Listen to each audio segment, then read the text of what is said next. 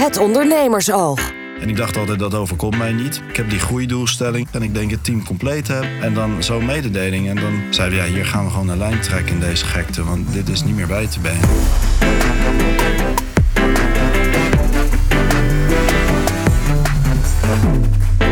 Eén stelling, drie vragen. Gesteld aan honderden ondernemers.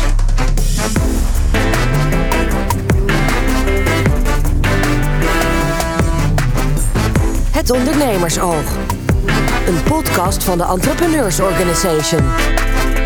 Hi, welkom in het Ondernemersoog. Een podcast waarin we vragen behandelen die ondernemers bezighouden. Met vandaag een onderwerp dat vele ondernemers de haren uit hun hoofd doet trekken. Hoe ga je om met de krapte op de arbeidsmarkt? Ik ben Jente Kater, oprichter van voicebooking.com. Wij zijn een voice-over. En naast mij zit onder andere Merlijn Mazerak, founder van The Rookie Minds. Een adviesbureau dat organisaties helpt om de menselijke maat terug te brengen. Geen cijfers, maar mensen dus. Zeker mensen, maar het begint bij de mensen. Een organisatie is niet meer en niet minder dan een groep mensen bij elkaar die het tot een succes moeten maken. En dan komen wij de cijfers helpen- vanzelf goed. Dan komen die zelf, cijfers vanzelf goed, maar dan moet je wel eerst zorgen dat het eh, aangepast is op die groep mensen. Kijk eens. Daniel Mulder is er ook, founder van het evenementenbureau Up Events. Daniel, wat doen jullie onder andere? En wij organiseren bedrijfsuitjes, personeelsfeesten, eh, zomerfestivalen voor bedrijven, vergaderingen. En als je dat allemaal combineert, dan krijg je de trend van 2023. Congestivalen. Kijk eens, kijk eens, kijk eens. Goed, dit is de eerste aflevering van het Ondernemersoog. Hoe werkt het? Eh, wij zitten alle drie bij The Entrepreneurs Organization, oftewel IO. Dat is een wereldwijde organisatie van founders die werken aan groei, zowel van hun bedrijf als voor zichzelf.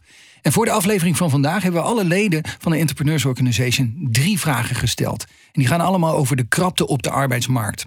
Je krijgt zo meteen antwoord op de gemiddelde loonstijging in 2022, hoeveel procent van de functies lastig in te vullen is en welke andere manieren van belonen ingezet zijn.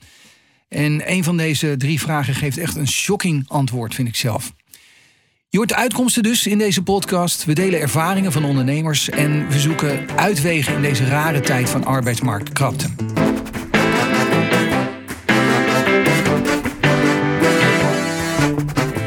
Vraag 1. Vraag 1, laten we daar beginnen, natuurlijk. Wat is in 2022 de loonstijging in procenten gemiddeld in jouw bedrijf? Wat was dat? Daniel, bij jullie? Ehm, ik denk dat het eh, tegen de 10% was.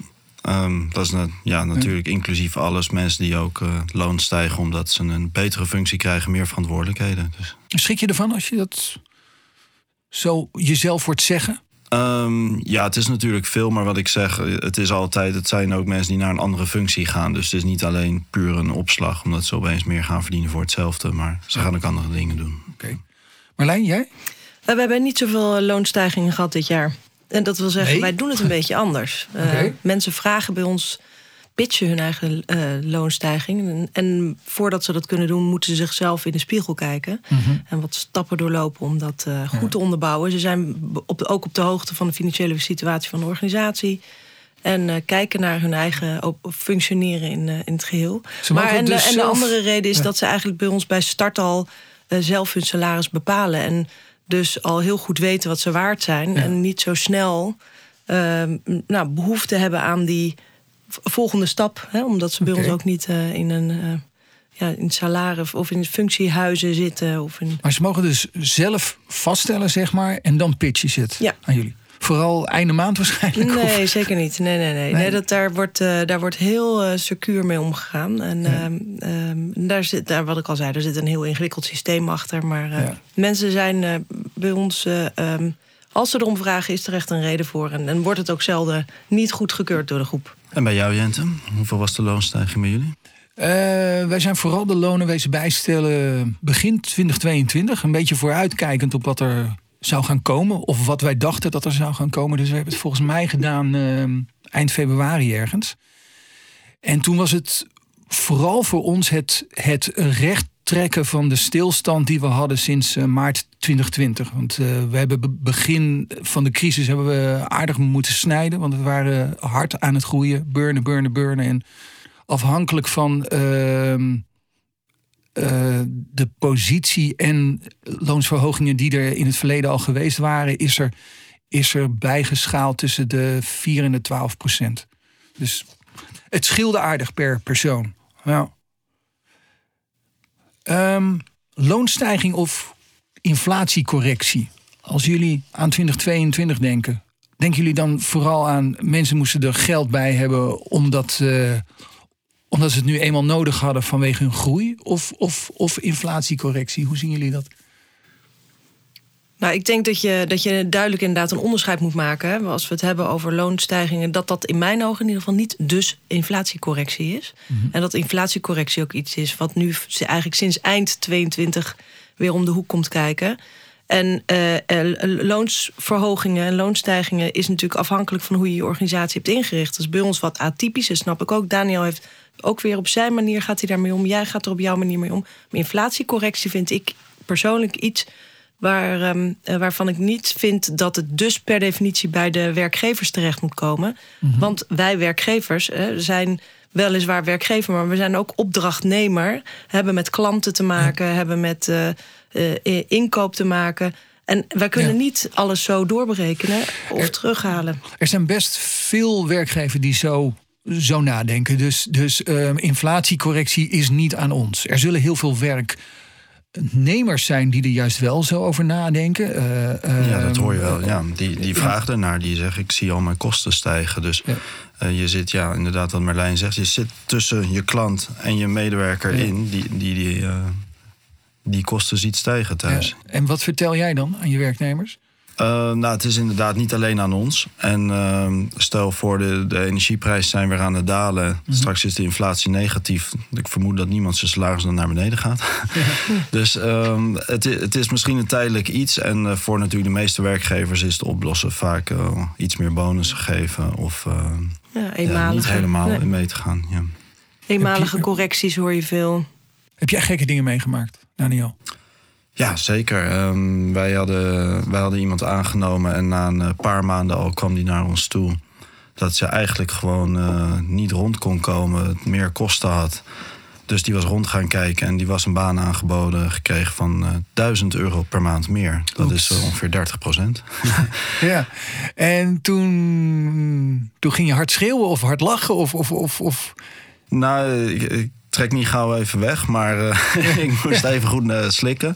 En uh, ja, je schrikt je dood. Want je, je, je hoort de verhalen, je leest er verhalen. Ondernemers die zeggen dat ze niet. Ja, dat ze gaan stoppen omdat het niet meer gaat. Het kan, het kan niet meer met de oplopende kosten. En ik dacht altijd, dat overkomt mij niet. Maar je gaat wel even nadenken. Je hebt, ik heb die groeidoelstellingen, ik wil daar naartoe. Ik heb het team nodig, ik heb de mensen nodig. En ik mhm. denk het team compleet te hebben. We gaan ervoor. En dan zo'n mededeling. En dan ja, dan, dan, wij zijn eens even heel goed gaan nadenken. En hoewel wij altijd zeiden, we zijn de beste in de branche. We willen met de beste mensen werken. We, ja, dus moeten we ook het beste betalen. Zeiden we, ja, hier gaan we gewoon een lijn trekken in deze gekte. Want dit is niet meer bij te benen. En uh, ja, dus we hebben diegene meegenomen in ons verhaal. Waar we denken dat we naartoe gaan. Dat we op de goede weg zitten. En vooral meenemen in het verhaal uitgelegd dat op alle arbeidsvoorwaarden, daar is eigenlijk loon één ding. En ook de cultuur, eh, flexibel werken, alle andere dingen ga je altijd één bedrijf vinden die iets veel beters gaat bieden. Dus um, ja, ik denk dat, ze, dat je niet alleen naar dat loon moet kijken, maar alles mee moet nemen. En ja, ik, ik kon het niet laten om tussen de regels door te zeggen: ik doe dit niet graag, praat liever, promoot liever onszelf. Maar ik kon het niet laten om te vertellen er is een reden waarom ze zo verschrikkelijk veel geld moeten betalen. het is er kennelijk verschrikkelijk om te werken. ja. Eind goed, al goed met deze Ja, zeker. Ja, ze is gebleven, gelukkig. fijn, fijn. Oké. Het antwoord op vraag 1. Wat was in 2022 de gemiddelde loonstijging in jouw bedrijf? Bijna 60% antwoorden met een gemiddelde van tussen de 4 en de 8%. Dan zet je hoog, Daniel. Ja.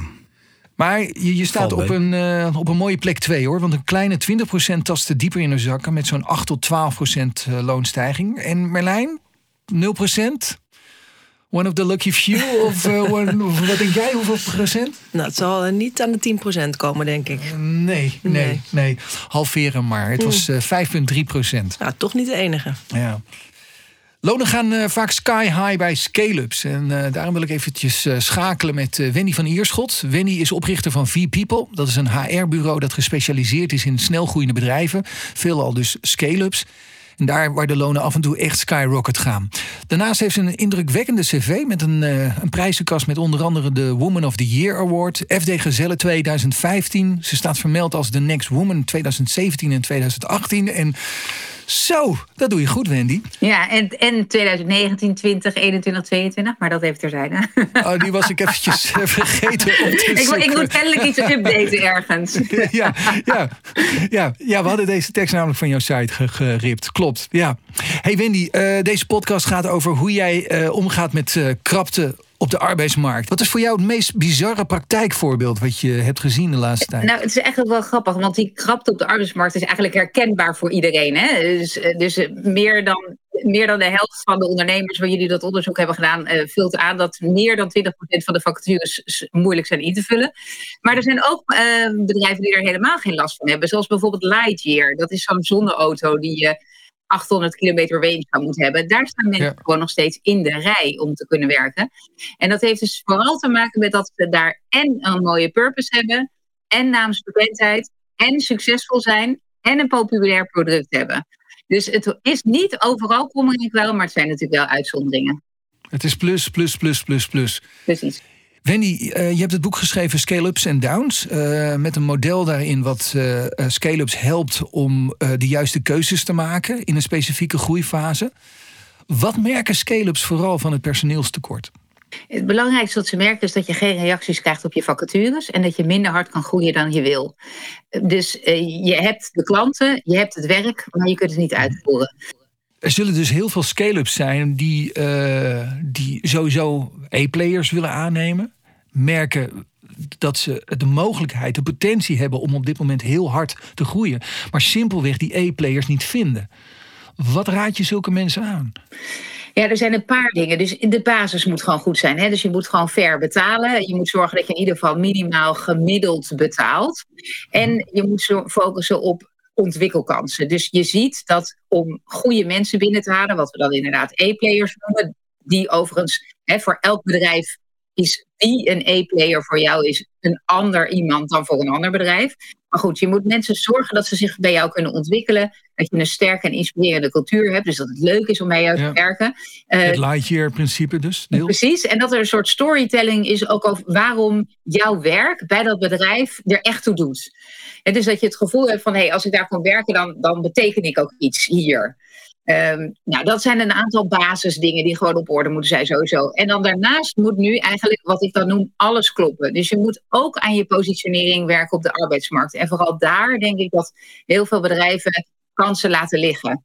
Dus het investeren in jouw merk, in dat je een goede etalage hebt, zoals ik dat zeg. Hè. Dus de bijenkorf-etalage, daar lopen we bij wijze van spreken allemaal langs en dan gaan we naar kijken, want die hebben iets opvallends te bieden.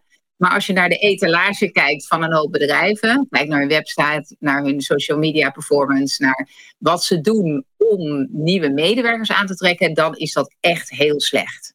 Wendy, je zult ongetwijfeld af en toe met mensen aan tafel zitten waarbij je denkt van oké, hele mooie groeidoelen, alleen qua hiren van mensen onrealistisch. Ja, ja dat, komt voor, maar dat komt vooral voor als je denkt van oké, ik wil um, eh, programmeurs hebben die moeten en dit kunnen en dat kunnen en zus kunnen. Dus dat je denkt oké, je zoekt het schaap met de vijf poten en die, dat schaap wil je ook graag overmorgen hebben die begint. En je bent heel specifiek in uh, wat iemand als achtergrond moet hebben. Dus je, bent, je, je wil en heel veel en je bent ook uh, heel beperkt in wat voor type mensen in jouw ogen dat kunnen. En dat noemen we ook wel, je moet een beetje creatiever zijn en ook iets meer openstaan voor diversiteit. Voor mensen met een andere achtergrond waar je misschien nog niet zo snel van dacht dat die misschien wel net zo goed kunnen zijn in die baan, maar omdat jij zelf een andere achtergrond, een ander opleidingsniveau hebt, uh, dat je je daar niet toe kan uh, relateren. Dus als dat gebeurt, dan gaat het over, ik wil heel veel mensen die aan heel veel voorwaarden moeten voldoen en ze moeten morgen beginnen. En ik heb nog niks gedaan aan mijn eigen positionering. Dus ik vind mezelf super cool en daarom vindt de rest mij ook cool, maar de mensen weten dat nog niet. Wendy, als je dit soort vragen allemaal een beetje voor jezelf op, op een rijtje hebt en je wil morgenochtend hiermee aan de slag, is er dan nog een missing link? Ja, ik denk dat wat je in ieder geval morgenochtend zou moeten doen, is goed kijken ook naar je eigen interne recruitmentproces. Dus hoe hebben wij, hè, hoe gaan we van vacature naar iemand echt aannemen? En kunnen we dat korter maken, dat proces? Want wat je veel ziet waar kleinere bedrijven ook op verliezen, is dat de tijd tussen ik plaats een vacature, dan kunnen mensen op gesprek komen. Dan ga ik zeggen, ja, ik wil je aannemen. Dan doe ik je een joboffer. En dan krijg je uiteindelijk de arbeidsovereenkomst en kan je beginnen. Dat dat te lang duurt. En dan krijgen mensen hebben verschillende keuzes. En heel veel kandidaten gaan uiteindelijk met het eerste voorstel... en wat het snelste proces was, in zee. Dankjewel, Wendy. Skill Ups and Downs van Wendy van Ierschot. Dat uh, boek dat, uh, ligt binnenkort in de winkel, ongeveer half februari. Uh, er is al een pre-order mogelijkheid. We zullen een linkje in de show comments zetten.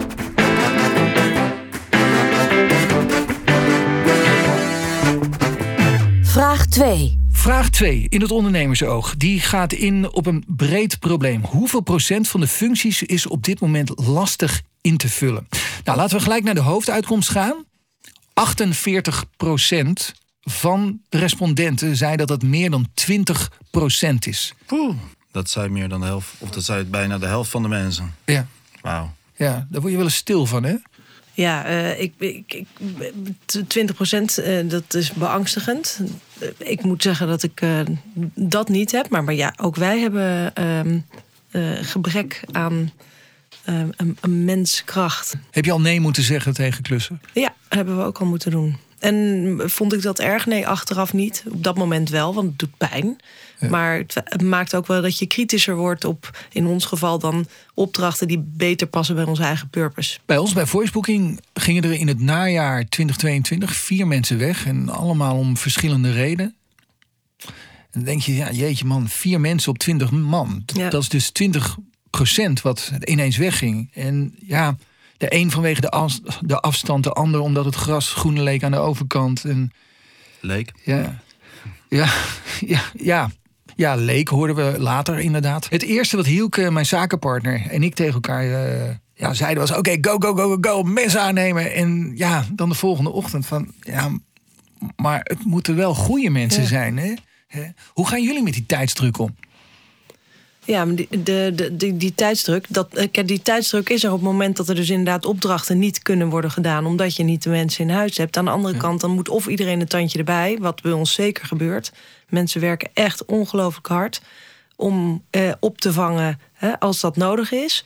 Uh, en tegelijkertijd ben ik ook wel weer zo realistisch dat ik denk, nou dan moeten we op andere manieren mensen, met mensen gaan samenwerken. Dus partners zoeken. Wij zoeken partners. Niet meer wat niet meer echt onze core business is, te halen we externe partners bij, mensen met wie we langdurig samenwerken. geeft dat je dan juist rust? Ja, dat, uh, ja kijk, kijk, kijk, financieel is het uh, lucratiever als het iemand is die bij ons in huis werkt. Aan de andere kant, um, als het op deze manier uh, het mes aan meerdere kanten kan snijden en je met ZZP'ers kan werken, met, met toch op tijdelijke, structureel tijdelijk, met tijdelijke basis, iets wat wij zelf ook bij klanten doen. Hè. We gaan nooit heel lang in huizen, 40 uur per week, eh, drie maanden lang. Nee, we kijken wat er nodig is. En dat doen we dus met uh, ZZP'ers ook. En denk eigenlijk is dat wel een goede constructie. Eh, dus het dwingt ons ook wel weer om op een andere manier te kijken naar inzet. En, en aantrekken van mensen. Uit het onderzoek onder de IO'ers kwamen een aantal reacties over recruiters. eentje die zei bijvoorbeeld: we doen meer met recruitmentbedrijven, maar, dat, maar ook daar komt vrijwel niets uit. Dus zijn we zelf recruitertje gaan spelen. Of uh, Kjeld Peak van Clever Strategy, die zei... Uh, we hebben tevens een extra recruitment bureau naast onze vaste partner geplaatst. Echter voelt de vergoeding niet echt in verhouding. Je hoort heel veel ondernemers over recruitmentbureaus. En, en uh, aan de bar, in de kroeg, hè, daar valt altijd lekker over door te, te zagen. Maar ja, you can't live with them, you can't live without them. Zou je het inhuren snel zelf willen doen? Nou, Op zo'n manier? Het recruitmentbureau doet er eigenlijk in het verhaal niet zoveel toe in mijn ogen. En um, kijk, het gaat. Uiteindelijk vissen we met z'n allen in dezelfde vijver van mensen die er zijn. En een recruitmentbureau is eigenlijk alleen maar een kanaal om mensen naar je toe te krijgen. Als het zo moeilijk is om mensen te vinden, is de oplossing niet het recruitmentbureau, maar je bedrijf moet aantrekkelijker worden. Wat Wendy ook uitlegde. Want als je dat niet hebt, ja, dan, dan, dan zit je in een visueuze cirkel en dan word je een hamster in een wiel. Een hele interessante ervaring van een IO, die sluit hier best wel op aan. Die zegt: Wij zijn sinds kort erkend referent van de IND. Dat is de Nederlandse Immigratie- en Naturalisatiedienst. Hierdoor kunnen we onder andere veel development buiten Nederland recruiten, buitenlandse partnerships en outsourcing makkelijker voor elkaar krijgen. Dat is wel aardig, hè? Ja, zeker. Want ik zei net, we vissen allemaal in dezelfde vijver. Maar Maak die vijver maar een vijver zee. erbij gevonden. Je hebt er een zee van gemaakt. Maar als je dan de volgende ervaring hoort. We hebben onze ijzer naar beneden bijgeschroefd. Ja, pijnlijk, maar Ja. je hoort het steeds meer. Maar je eisen naar beneden bijgeschroefd. Ook Mhm. dit weer haakt aan bij het andere verhaal. Dus ik ben het in dat opzicht eh, heel saai met Daniel en eh, Wendy eens. Dat is ook nog eens een keer waar wij eh, ons werk van maken. Maar je moet eerst weten wie je zelf bent. Als je weet waar je voor staat, waar je voor gaat. Als, je als jij weet wat, waar mensen zich aan kunnen verbinden. Die purpose die zo belangrijk is. Waar sta ik elke dag voor op? En je kan dat in de etalage zetten. En je maakt dat, die etalage heel mooi eh, en echt. Hè, maar hij moet kloppen met de werkelijkheid. Want dat gebeurt ook nog wel eens dat dat niet zo is. Dan, dan kun je ook zelf mensen vinden. Jente, zou jij bij voicebooking de eisen bijschroeven als je geen mensen kan vinden? Ehm, nou, ik, ik denk dat ik ijzer in zoverre bij zou schroeven dat ik ga kijken naar alternatieve manieren. En, Nee. en dan bijvoorbeeld denk van hé, hey, als ik deze baan ophak in kleinere Precies. stukjes. En dan bijvoorbeeld voor het, het echte seniorwerk een, een hele goede freelancer erbij haal. En bijvoorbeeld vanuit het buitenland de wat meer handjes er, er, er, erbij haal. Ja, dan, dan voelt dat niet alsof ik het naar beneden aan het bijschalen ben. Afschalen. Nou, maar het is ook. Jij hebt zelf bedacht dat iets een bepaalde functie is. Eh, terwijl er gezegd, misschien ja. vaak mensen van buiten naar jou kijken en denken: maar ik zou best bij dat bedrijf willen werken. En ik zou graag dit of dat willen doen. Dat gesprek ga je niet aan, omdat jij een functie in je hoofd hebt en die zet jij naar buiten uit. Oké, dus bijna de helft van de ondervraagden in de poll zei dat meer dan 20% van de functies lastig in te vullen is. Nou, net hoorden we Wen- Wendy van Ierschot over hoe het er in eh, scale-ups aan toe gaat.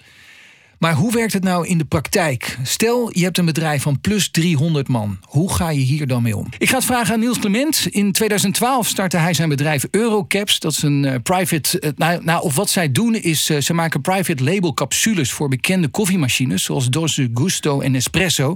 Ze doen eh, 130 miljoen euro omzet, meer dan 300 man in dienst. Niels, hi. Hi. Vanaf de skipiste van Zaalbach Hinterklem spreken we jou. Ja, Lekker daar? Ja.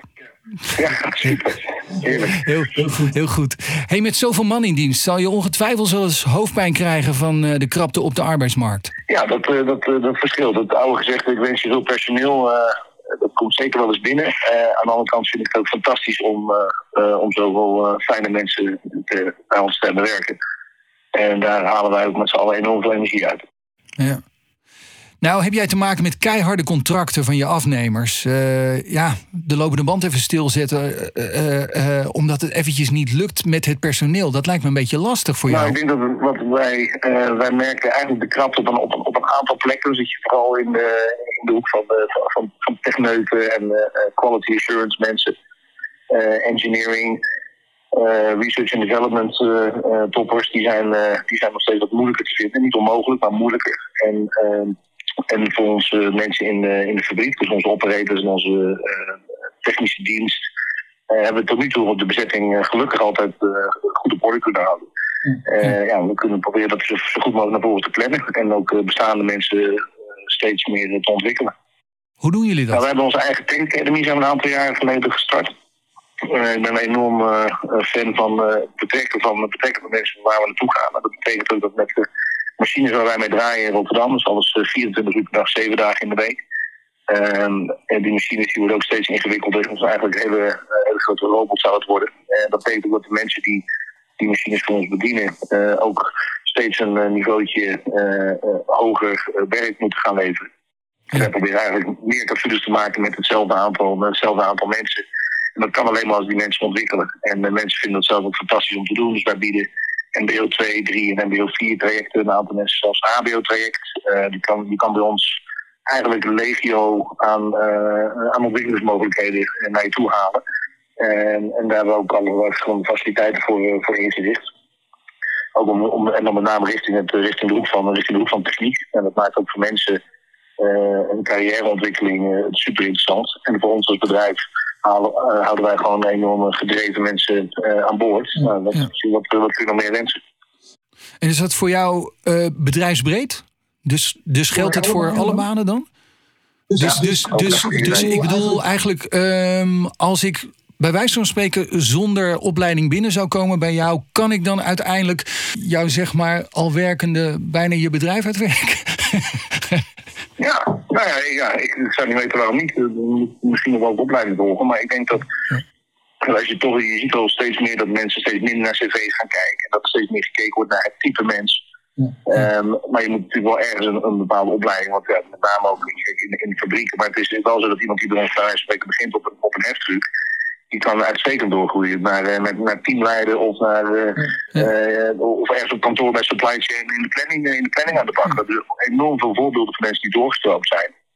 En dan proberen we ook, als ik een keuze kan maken tussen iemand die door kan stromen of iemand van buitenaf, dan zou ik altijd liever uh, kiezen voor, voor, voor doorstroom. Ook omdat het gewoon de spin-off daarvan uh, intern is ook, veel, is ook veel beter. Als je, nou, als je nou één ervaring kan delen voor onze luisteraars, waarbij jij denkt van nou oké, okay, als je nou morgenochtend één ding zou moeten aanpakken, wat zou dat dan zijn volgens jou?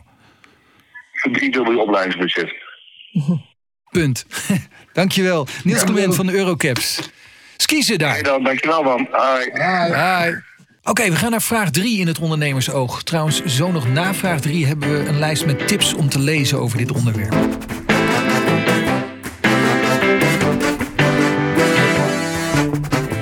Vraag 3. Hebben jullie andere manieren van belonen ingezet om je medewerkers te waarderen en te compenseren? Ja, je kan hierbij denken aan teamuitjes, maar ook aan andere arbeidsvoorwaarden. Zoals bijvoorbeeld uh, je personeel volledig thuis laten werken. Of juist hybride. Of uh, nou ja, you name it. 64% van de IO'ers antwoorden met teamuitjes. Joehoe, denkt Daniel. Dat is het juiste antwoord. ja. Business. Wat vinden jullie zelf van uh, thuis of hybride werken? Bij voicebooking doen we nu twee om drie. Dus twee dagen op de zaak, drie dagen thuis. Ja, liever zou ik uh, drie dagen op kantoor willen zien. Maar ja, ik wil ook niet dat mensen gaan lopen. En we hebben best wel mensen die grote afstanden moeten afleggen. Of ben ik nu te voorzichtig? Wat is de reden dat jij wil dat ze per se op kantoor zijn? Nou, dat ik, dat ik merk dat het, het, het echte samenwerken... dat dat toch wat lekkerder werkt. En uh, ja, wat ik tijdens de coronacrisis wel vooral gemerkt heb... met echt jonge mensen werken in de functies die wij uh, nodig hebben. Dat is heel veel marketing, en dat soort dingen. Met echt jonge mensen werken terwijl ze thuis een beetje aan het zoomen zijn. Die, die, die, die, leren niet wat ze zouden leren als ze gewoon op de zaak zouden zijn. Bij ons was het gelukkig andersom. In coronatijd moesten we thuis werken, maar iedereen wilde juist bij ons naar kantoor komen. Want jonge mensen, weinig woonruimte, alleen ergens. Die kwamen juist heel graag naar kantoor. Dus we hadden heel veel moeite om ze naar huis te sturen. ga nou, ga nou. en uh, uh, wat we wel hebben gedaan is flexibeler geweest. Mensen die een maand of anderhalf maand vanaf buitenland uh, willen werken, dat hebben we een keer gedaan. Ja. En uh, dat kan natuurlijk tegenwoordig heel makkelijk. Dus, dat werkt voor iemand op sales. Daar kan je gewoon met je laptop bellen wereldwijd. Zelfs in een andere tijdzone gewoon vier uur s'nachts beginnen. Dat is goed gegaan. Um... En hoe zorg jij ervoor dat je gevoel hebt dat je grip hebt nou, ik denk dat het alleen werkt als iemand al een tijdje bij je, bij je gewerkt heeft. En dus als je ook je collega's goed kent, als je elkaar goed kent, als je de cultuur goed kent. Maar op afstand iemand implementeren in het bedrijf. En dan komt het vanzelf wel goed. Daar geloof ik niet zo in eigenlijk. Um, dan wordt het allemaal gewoon een verzameling van taakjes doen, denk ik. En dat lijkt me als organisatie heel lastig. Lijn, jij? Ja, uh, nee, nee, bij ons uh, moet iedereen, zeg ik altijd, lekker werken waar hij wil. Uh, al gaat hij de hele dag thuis op de wc zitten, I'm fine with it. Behalve op de vrijdag. Want wij hebben, geloven wel dat je een verbindingsdag moet hebben. Waar, ja. Maar dan zijn we er ook allemaal. Ja, hebben wij ook trouwens. Um, dat is de dag waarin we nou, elkaar inspireren, leuke dingen doen, inspirerende dingen doen, sessies organiseren onze overleggen hebben. Ja. Dan, dan komt, stroomt de creativiteit. Uh, maar die andere dagen moet iedereen het lekker zelf weten. Ik heb hier een mooie, uh, een mooie ervaring van een van de IO'ers. Die zeggen, wij bieden een concept waarbij medewerkers 10% gelukkiger worden. En het gaat hierbij om 10% meer levensgeluk. Dus niet alleen werkgeluk. Dit is 100% uniek en onderscheidend. Geweldig. Ik ken deze ondernemer en dat, wat hij doet is inderdaad uniek. En hij werkt ook nog met, een, een, een, een, eh, met mensen op afstand. Dat wil zeggen, er zitten mensen gedetacheerd. En ingenieurs. Dus ik, uh, ja, petje af dat, dat zij dit pad ja. van de menselijke maat terug in het organiseren zijn en Heb je een voordeel van hoe hij dat dan doet? Uh, nou, hij, doet, hij heeft bijvoorbeeld een werkgelukmeting. Of een, niet een werkgeluk, een, een, een geluksmeting. Ja. Waarbij hij het geluk van zijn mensen ja, meet. Wow. En ook daar dan vervolgens acties op onderneemt in overleg met de mensen. Ja. Marlijn, heb jij een andere manier van het personeel belonen bij jou? Los van het geld? Um, ja, dat wil zeggen, wij hebben, als je het over de, de welbekende assen doet, uh, wij hebben geen vakantiedagen. Oh, iedereen moet lekker zelf weten hoe lang die met vakantie gaat. Ja. Je moet jezelf uiteindelijk in de spiegel kunnen aankijken of jij voldoende hebt bijgedragen in die dagen dat je niet vakantie hebt. Dus dat. Uh, wij uh, mensen hebben bij ons enorme veel vrijheid in alle opzichten om dingen zelf te bepalen en te regelen en in te richten. En dat neemt, is ook een verantwoordelijkheid. Maar doordat je het zelf mag bepalen, is, is het verantwoordelijkheidsgevoel ook veel groter. Is het echt jouw ding? Is het een eigen ding. En dat, wij merken dat dat heel erg goed werkt. En daarnaast, uh, daar zijn we nog een beetje, daar zijn we ook wat atypisch in. Dus eigenlijk iedereen die bij ons uh, aansluit in loondienst, maar ook mede-eigenaar. En dat maakt de betrokkenheid. Je wordt automatisch mede-eigenaar als je bij jullie komt. Na een, na een verloop van tijd word je okay. automatisch mede-eigenaar. Nou, betekent dus sowieso dat jullie daardoor extra goed nadenken over wie je aanneemt, lijkt me. Dat ook, dat zeker. Dus ja. dat het snelle proces van Wendy, dat snap ik. En dat uh -huh. is bij ons, het gaat niet zozeer in tijd, maar wel in in, in verwachting ja. in dat proces. En dat, dat zie ik, dat deel ik wel. Uh, je moet heel duidelijk zijn over de verwachtingen en het verloop van het proces. En dat is bij ons wat langer. Oké, okay, de vraag dus. Um, hebben jullie andere manieren van belonen ingezet om je medewerkers te waarderen en te compenseren? 64% zei dus teamuitjes. En op nummer 2, ja, daar staat iets anders. Bracket, bracket, bracket. Uh, een voorbeeld daarvan is bijvoorbeeld wat uh, Eduard Brink van de Brinklicht zegt. Wij zijn hard op weg om B Corp te worden. Uh, we halen um, elementen uit die transitie, die gebruiken we in de wervingsteksten. B Corp, ik denk dat jij het heel goed kan uitleggen, Marleen. B Corp, een, een mooi keurmerk. Dan, ik ben overigens niet zo'n fan van keurmerken. Mm.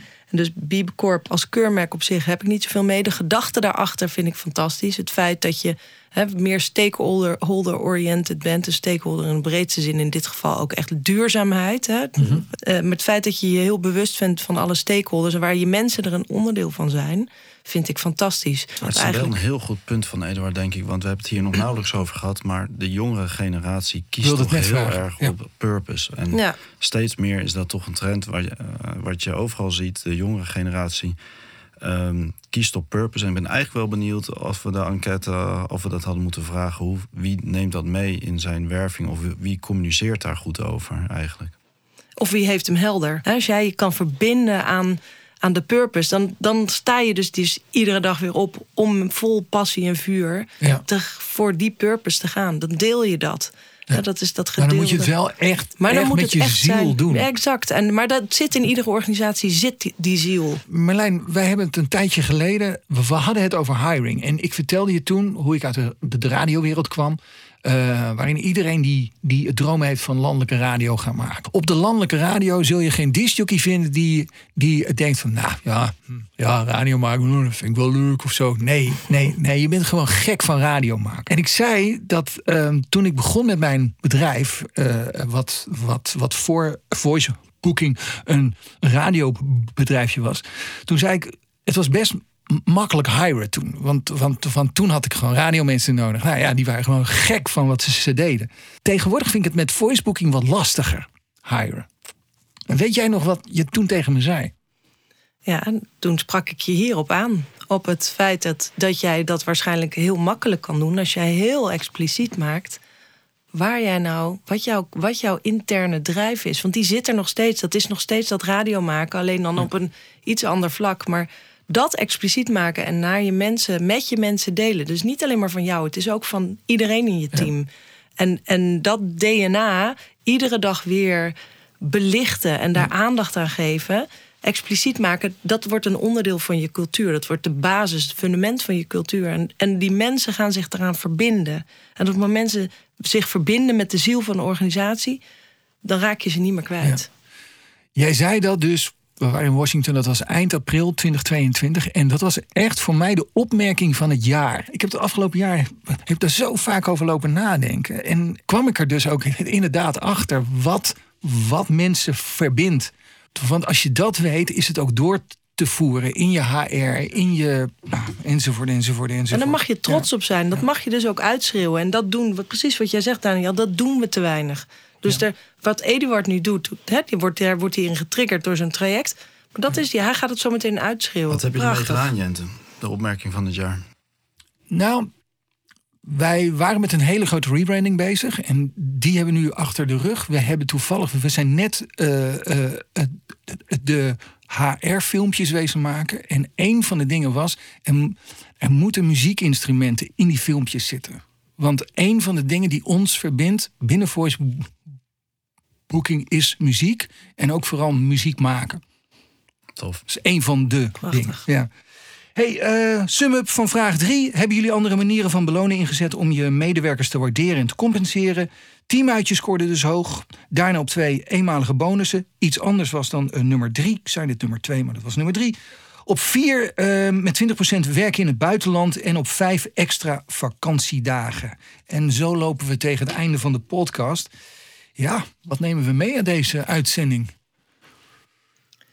Ja, ik vond uh, het uh, heel erg mooi om te zien dat, uh, dat Niels zo ontzettend met zijn ontwikkeling van zijn mensen bezig is.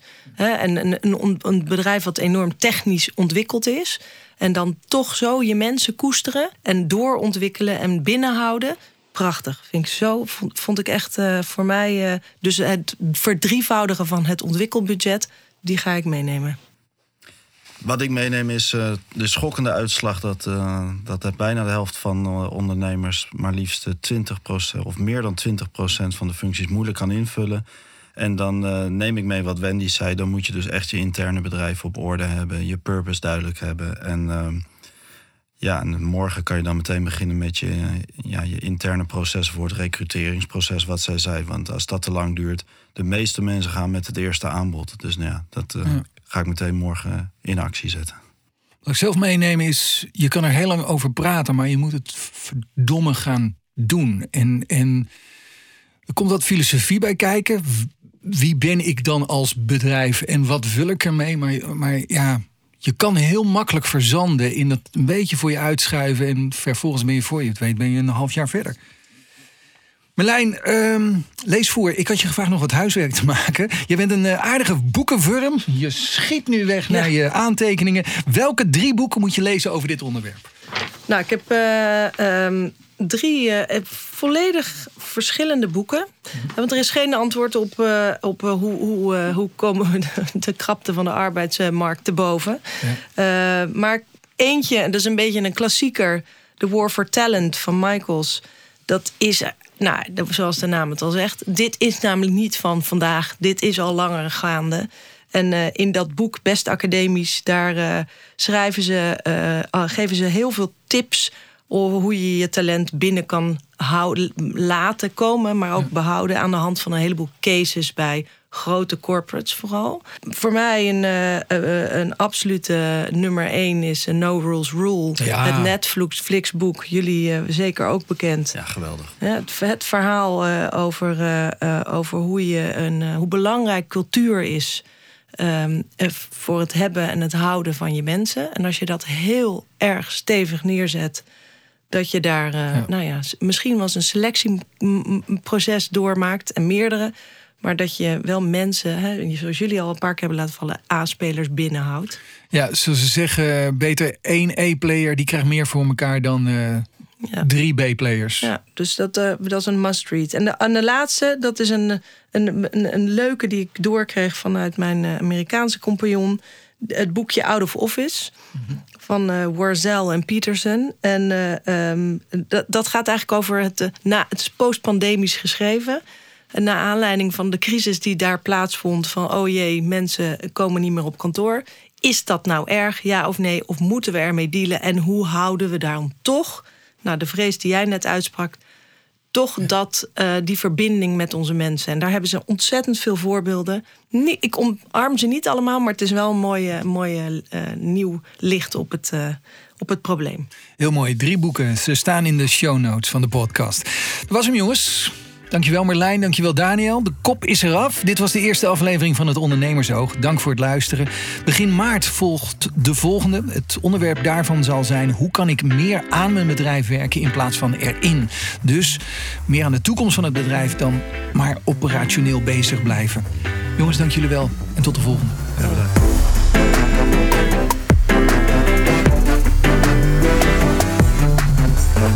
Dit was het Ondernemersoog, een podcast van de Entrepreneurs Organization. Wil je weten wat wij doen, welke events er zijn en hoe je lid kan worden? Kijk in de show notes of ga naar entrepreneursorganization.nl/slash ondernemersoog.